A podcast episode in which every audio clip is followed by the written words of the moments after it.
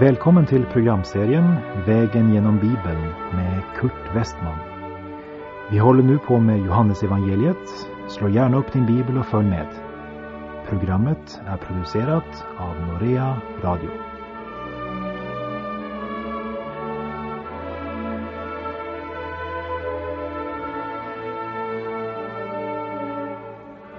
I det förra programmet gick vi igenom de sju första verserna i Johannes 9.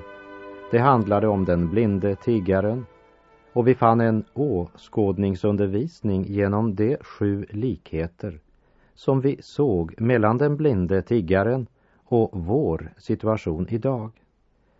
Det första var att den blinde mannen var utanför templet, det vill säga utestängd från gemenskapen med Gud.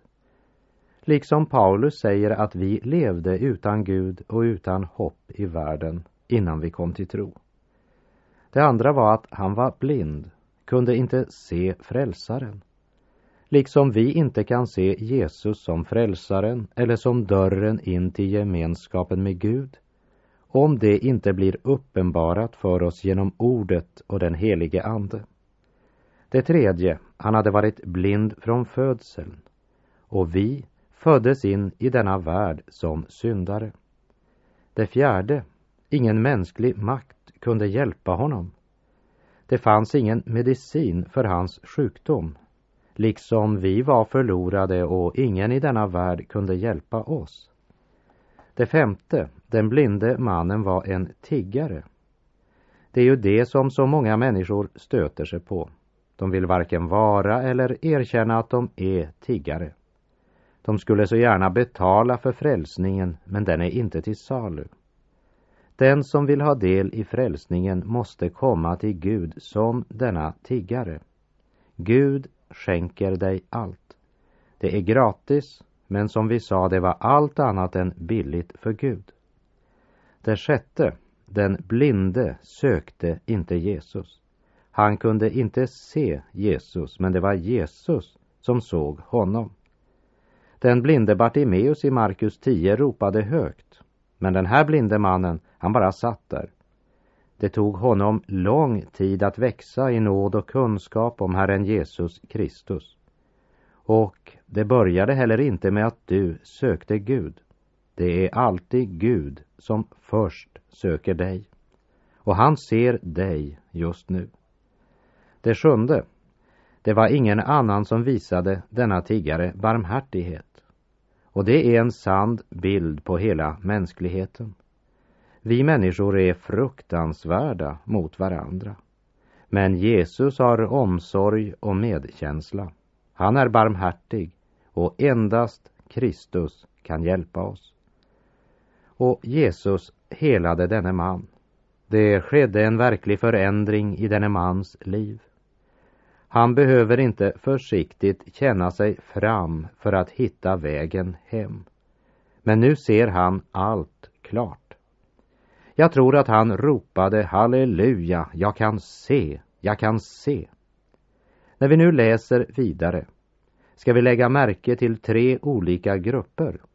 Hans grannar, sedan fariseerna och så föräldrarna. Låt oss eh, först se på hans grannar.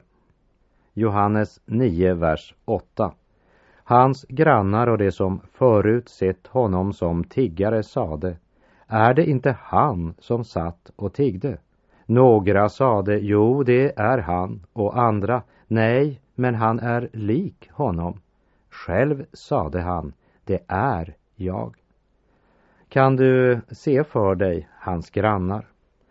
Några står i fönstren och säger, se, där är den blinde mannen. Men en annan i huset springer till dörren och kikar och säger, nej då, det är inte den blinde mannen. Han ser ut som den blinde mannen, men han är inte blind. Förvandlingen är så stor i hans liv att den tidigare blinde mannen blir tvungen att identifiera sig själv bland sina egna grannar. Grannarna visste att något hade hänt honom. Och jag tror inte att en människa verkligen kan få ett personligt möte med Jesus utan att din omgivning märker att du är förändrad. Om det inte är några bevis på en förändring så är det något som är fel, grundläggande fel. Vers 10 till och med 12. De frågade, hur öppnades dina ögon? Han svarade, han som heter Jesus gjorde en deg och strök den på mina ögon och sade åt mig att gå till Siloadammen och tvätta mig. Jag gick dit och tvättade mig och sedan kunde jag se. De frågade honom, var är han? Han svarade, jag vet inte. Jag älskar verkligen den här mannens vittnesbörd. Han vittnade bara om det som han visste. Ett gott och ärligt vittnesbörd.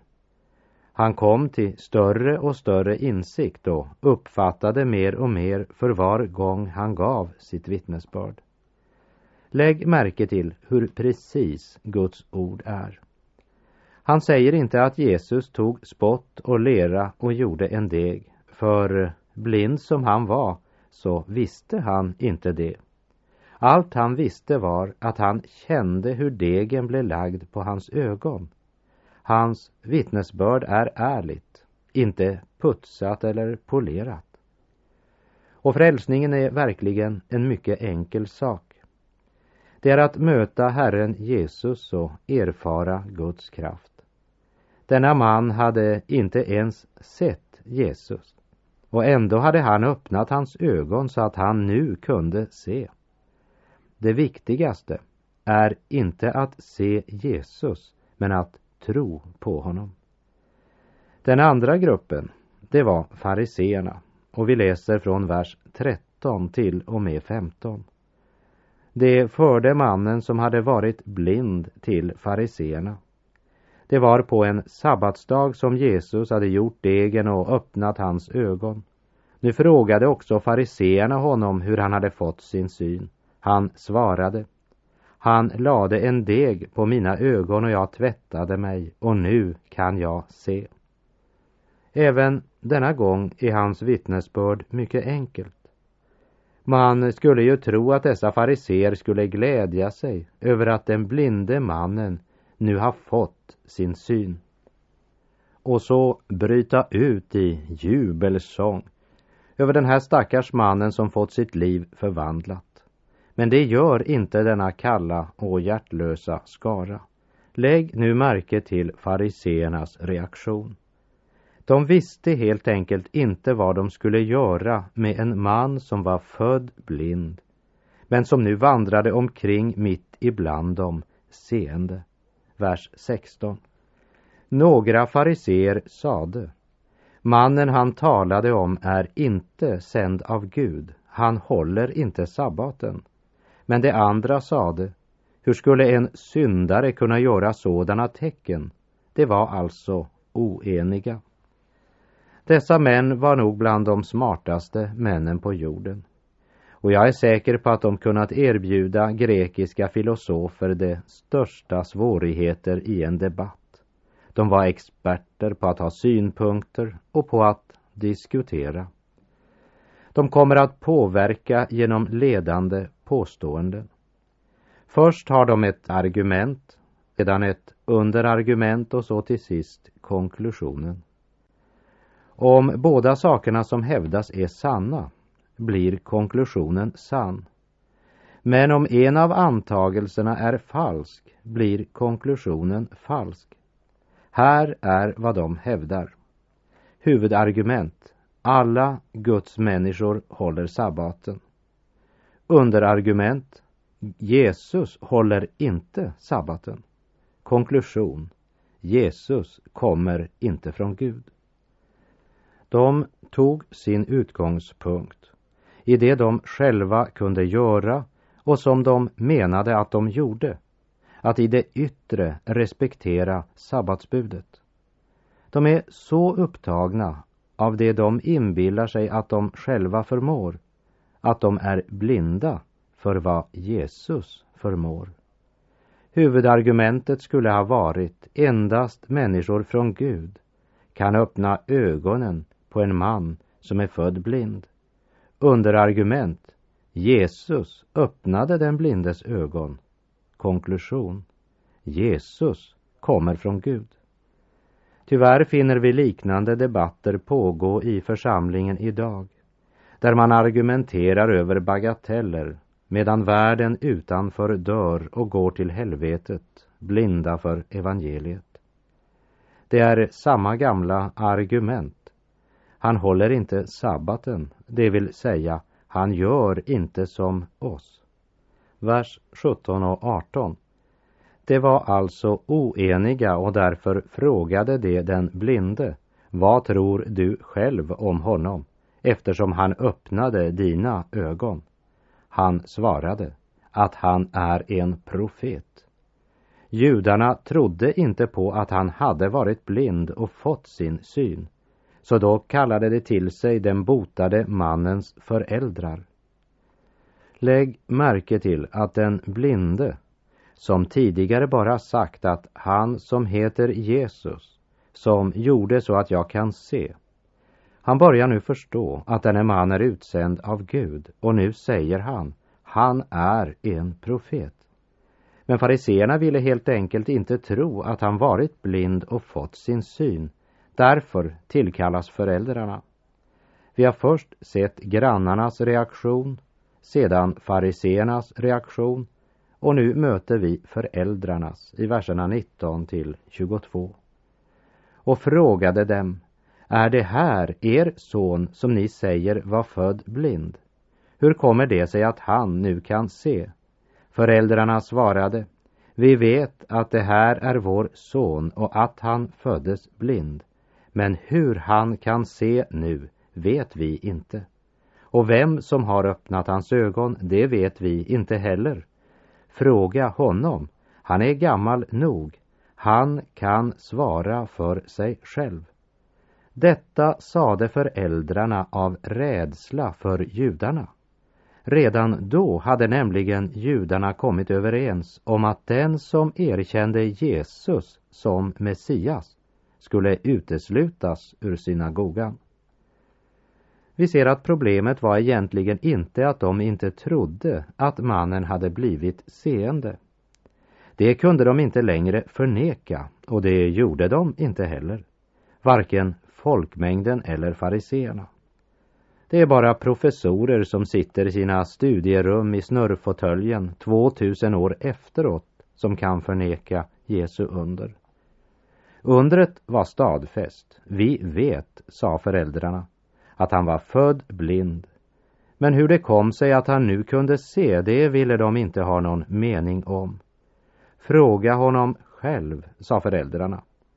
Och det var inte det att inte de visste, men det var av rädsla för judarna, förklarar texten. Och eftersom de religiösa ledarna inte kunde bortförklara undret så försöker de hindra Jesus i att få äran för det som skett. Vers 24. För andra gången kallade de alltså till sig mannen som hade varit blind och sade till honom Ge Gud äran, vi vet att den här mannen är en syndare. Ge inte ära till denne Jesus, han håller inte sabbaten. Ge Gud äran. Låter det inte fromt och fint? Vers 25. Om han är en syndare vet jag inte. Men det vet jag, att jag som var blind nu kan se.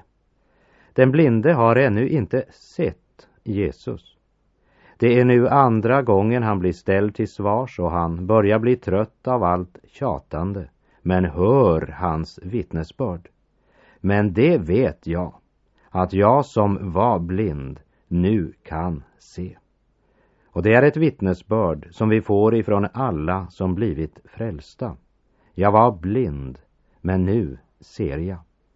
Jag vandrade i andligt mörker, nu lever jag i ljuset. Kristus var okänd för mig, men nu känner jag honom som min frälsare. Jag vet inte hur det är med dig, men jag börjar bli trött på dessa långdragna vittnesbörd.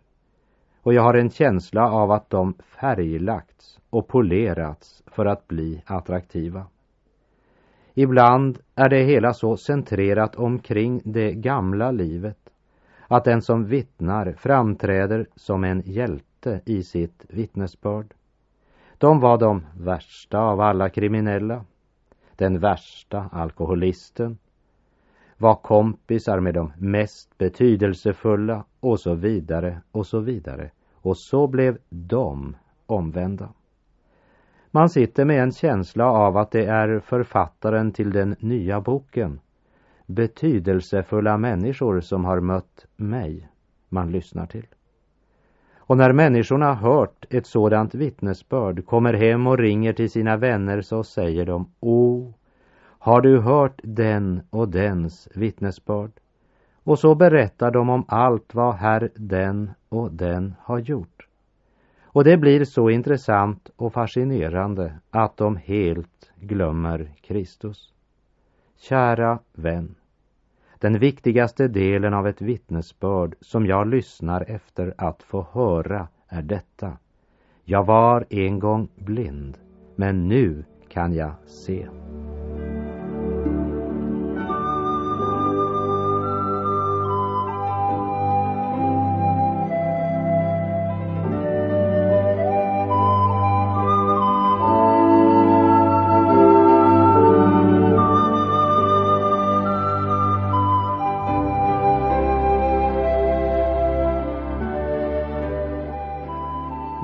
Johannes kapitel 9 och vers 26. De frågade honom, vad gjorde han med dig? Hur öppnade han dina ögon? Stackars fariser. De har ju inte samma möjligheter som dagens liberalteologer, för det är ju mycket lättare att förneka Jesu under cirka 2000 år efteråt. Men vad skulle fariseerna göra? Mannen stod ju där och han såg. Ingen förnekade att hans ögon blivit öppnade, inte ens Jesu fiender. Det bör vi lägga märke till. Och vers 27 och 28. Han svarade, det har jag redan sagt er, men ni vill inte lyssna. Varför vill ni höra det igen? Kanske ni också vill bli hans lärjungar? Då snäste de av honom och sade, du är hans lärjunge, men vi är Mose lärjungar. Mannen som tidigare varit blind börjar förstå vad det är e fariseerna försöker göra. Och han är en aning sarkastisk mot dem. Kanske ni också vill bli hans lärjungar. Och han har gjort en intressant observation. Ni vill inte lyssna till mig varför vill ni då höra det igen? Ja, det kan man ju fråga sig. Den blindfödde låter sig inte skrämma. Hans mod och även hans tro växer till skillnad från hans föräldrar. För de talade inte av hjärtats överbevisning men av rädsla för judarna som kunde stöta ut dem från gemenskapen i synagogan. Och istället för att lyssna till sin son som fått sina ögon öppnade och bekänna Jesus offentligt så tiger de av fruktan för de andligt blinda fariseerna. Föräldrarna skymtade honom som är världens ljus men valde att inte bekänna honom utan låter sig skrämmas till tystnad av de andligt blinda fariseerna som inte kan se världens ljus. Verserna 29 till och med 34. Vi vet att Gud har talat till Mose, men varifrån den här mannen kommer, det vet vi inte. Han svarade, ja, det är det märkliga, att ni inte vet varifrån han kommer, och ändå har han öppnat mina ögon. Vi vet att inte Gud lyssnar till syndare. Men om någon fruktar Gud och gör hans vilja, då lyssnar han till honom. Aldrig förr har man hört att någon har öppnat ögonen på en som var född blind. Om den här mannen inte vore sänd av Gud hade han inte kunnat göra någonting. Då sade det till honom, du föddes syndig allt igenom och du ska undervisa oss. Och det körde ut honom. Låt oss komma ihåg att den blindfödde har ännu inte själv sett Jesus. Men av det fariseerna tidigare sagt så har han dragit den slutsatsen att om någon fruktar Gud och gör hans vilja, då lyssnar Gud till honom. Och det betyder att om Jesus inte varit sänd från Gud hade han inte kunnat göra någonting. Fariseerna blir fångade av sina egna ord. Alla fakta talar emot dem. De kan inte svara honom. Då kommer de med ett personligt angrepp och kastar ut honom. Därmed är han utestängd från templet och från affärslivet och gjord till ett avskum, ja nästan som en spetälsk. Vi har alltså sett den blindfödde mannens möte med grannarna och så med fariseerna och därefter föräldrarnas reaktion. Och nu ska den blindfödde få ett nytt möte med Jesus. Denna gång ska han möta Jesus med öppnade ögon. Han ska personligen se honom. Verserna 35 till och med 38. Jesus fick höra att de hade kört ut honom och när han träffade honom frågade han, tror du på Människosonen? Han svarade, vem är han, Herre? Jag vill tro på honom. Jesus sade, du har sett honom. Det är han som talar med dig. Då sade han, jag tror, Herre, och föll ner för honom. Nu dyker Jesus plötsligt upp på platsen igen, för tiden är nu inne för att öppna även de andliga ögonen på denne man. Och det betyder alltså att den blinde mannens tro var inte förutsättningen för undret. Men tron var en frukt som skördades av undret. Jesus kommer med en mycket central och viktig fråga. Tror du på Guds son, Människosonen? Den blindföddes tro har växt genom allt som hänt. Herren Jesus vet att mannen är mogen för det avgörande steget. Och lägg märke till den blindföddes iver efter att få gå vidare i tro när han svarar Vem är han, Herre? Jag vill tro på honom. Och så kommer Jesu underbara svar Du har sett honom. Det är han som talar med dig. Och mannen tror och tillber.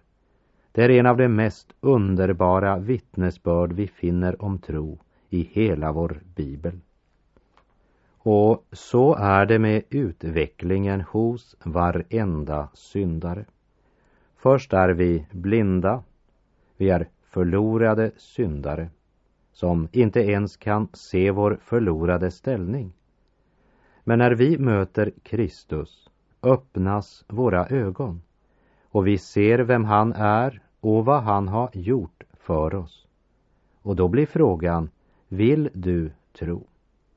Den blindfödde mannens svar kan också bli ditt svar. Herre, jag tror. Och så faller du ner för hans fötter och tillber honom. Vers 39. Och Jesus sade till en dom har jag kommit hit till världen för att det som inte ser skall se och det som ser skall bli blinda. Jesus säger att det finns människor som har fysiska ögon men som är andligt blinda.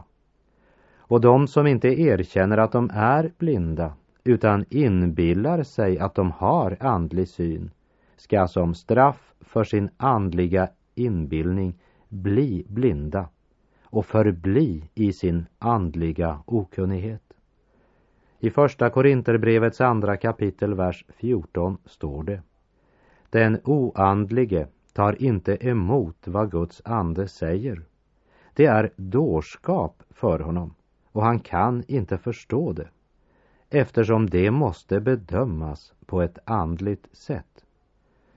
Kära vän, om du har kommit i Jesu närhet, världens ljus, och ändå säger vad är sanning eller jag kan helt enkelt inte se att han är min frälsare. Eller jag förstår inte vad det här handlar om. Då kan du inte se.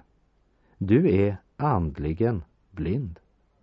Fariseerna hade ögon och de trodde att de såg. De var religiösa människor som gick in för saken men lika väl var de blinda. Den som lever utan Jesus är förlorad, lever i mörker. Men Herren Jesus för människan genom olika händelser för att leda henne till livet och ljuset in i trons värld. I Matteus 6.23 står det Men om ditt öga är fördärvat blir det mörkt i hela din kropp. Om nu ljuset inom dig är mörker, hur djupt blir då inte mörkret? Om du har fått kunskap om Herren Jesus Kristus, världens ljus, men du inte vill tro, då är du andligen blind. Och det finns inte något annat att erbjuda dig. Om du har varit i närheten av världens frälsare och förkastat honom, finns det ingen annan räddning eller frälsare att erbjuda dig. Vers 40 och 41. Några fariseer som var tillsammans med honom hörde detta och sade till honom, är kanske vi också blinda? Jesus svarade, om ni vore blinda skulle ni vara utan synd. Men nu säger ni att ni ser, er synd står kvar. Vi började med en blind man som blev botad och fick sin syn, både fysiskt och andligt. Och kapitlet slutar med religiösa ledare som är fruktansvärt och tragiskt totalt andligt blinda. Fast de själva trodde att de kunde se. Är vi kanske också blinda, sa fariseerna till Jesus. En sådan möjlighet kunde de helt enkelt inte tänka sig. Men i Jesu närhet, i ljusets närhet, inför honom som är uppenbarelsen från Gud, hävdade de att de var utan synd. Några av de mest dogmatiska människorna idag är ateister och kultmedlemmar. De säger att de ser men de är blinda. De förkastar Herren Jesus och därmed förblir de i sin synd. Så även om de inte vandrar runt med en vit käpp är de likväl totalt blinda. Och med det så är tiden ute för den här gången. På återhörande om du vill. Herren vare med dig Må hans välsignelse vila över dig. Gud är god.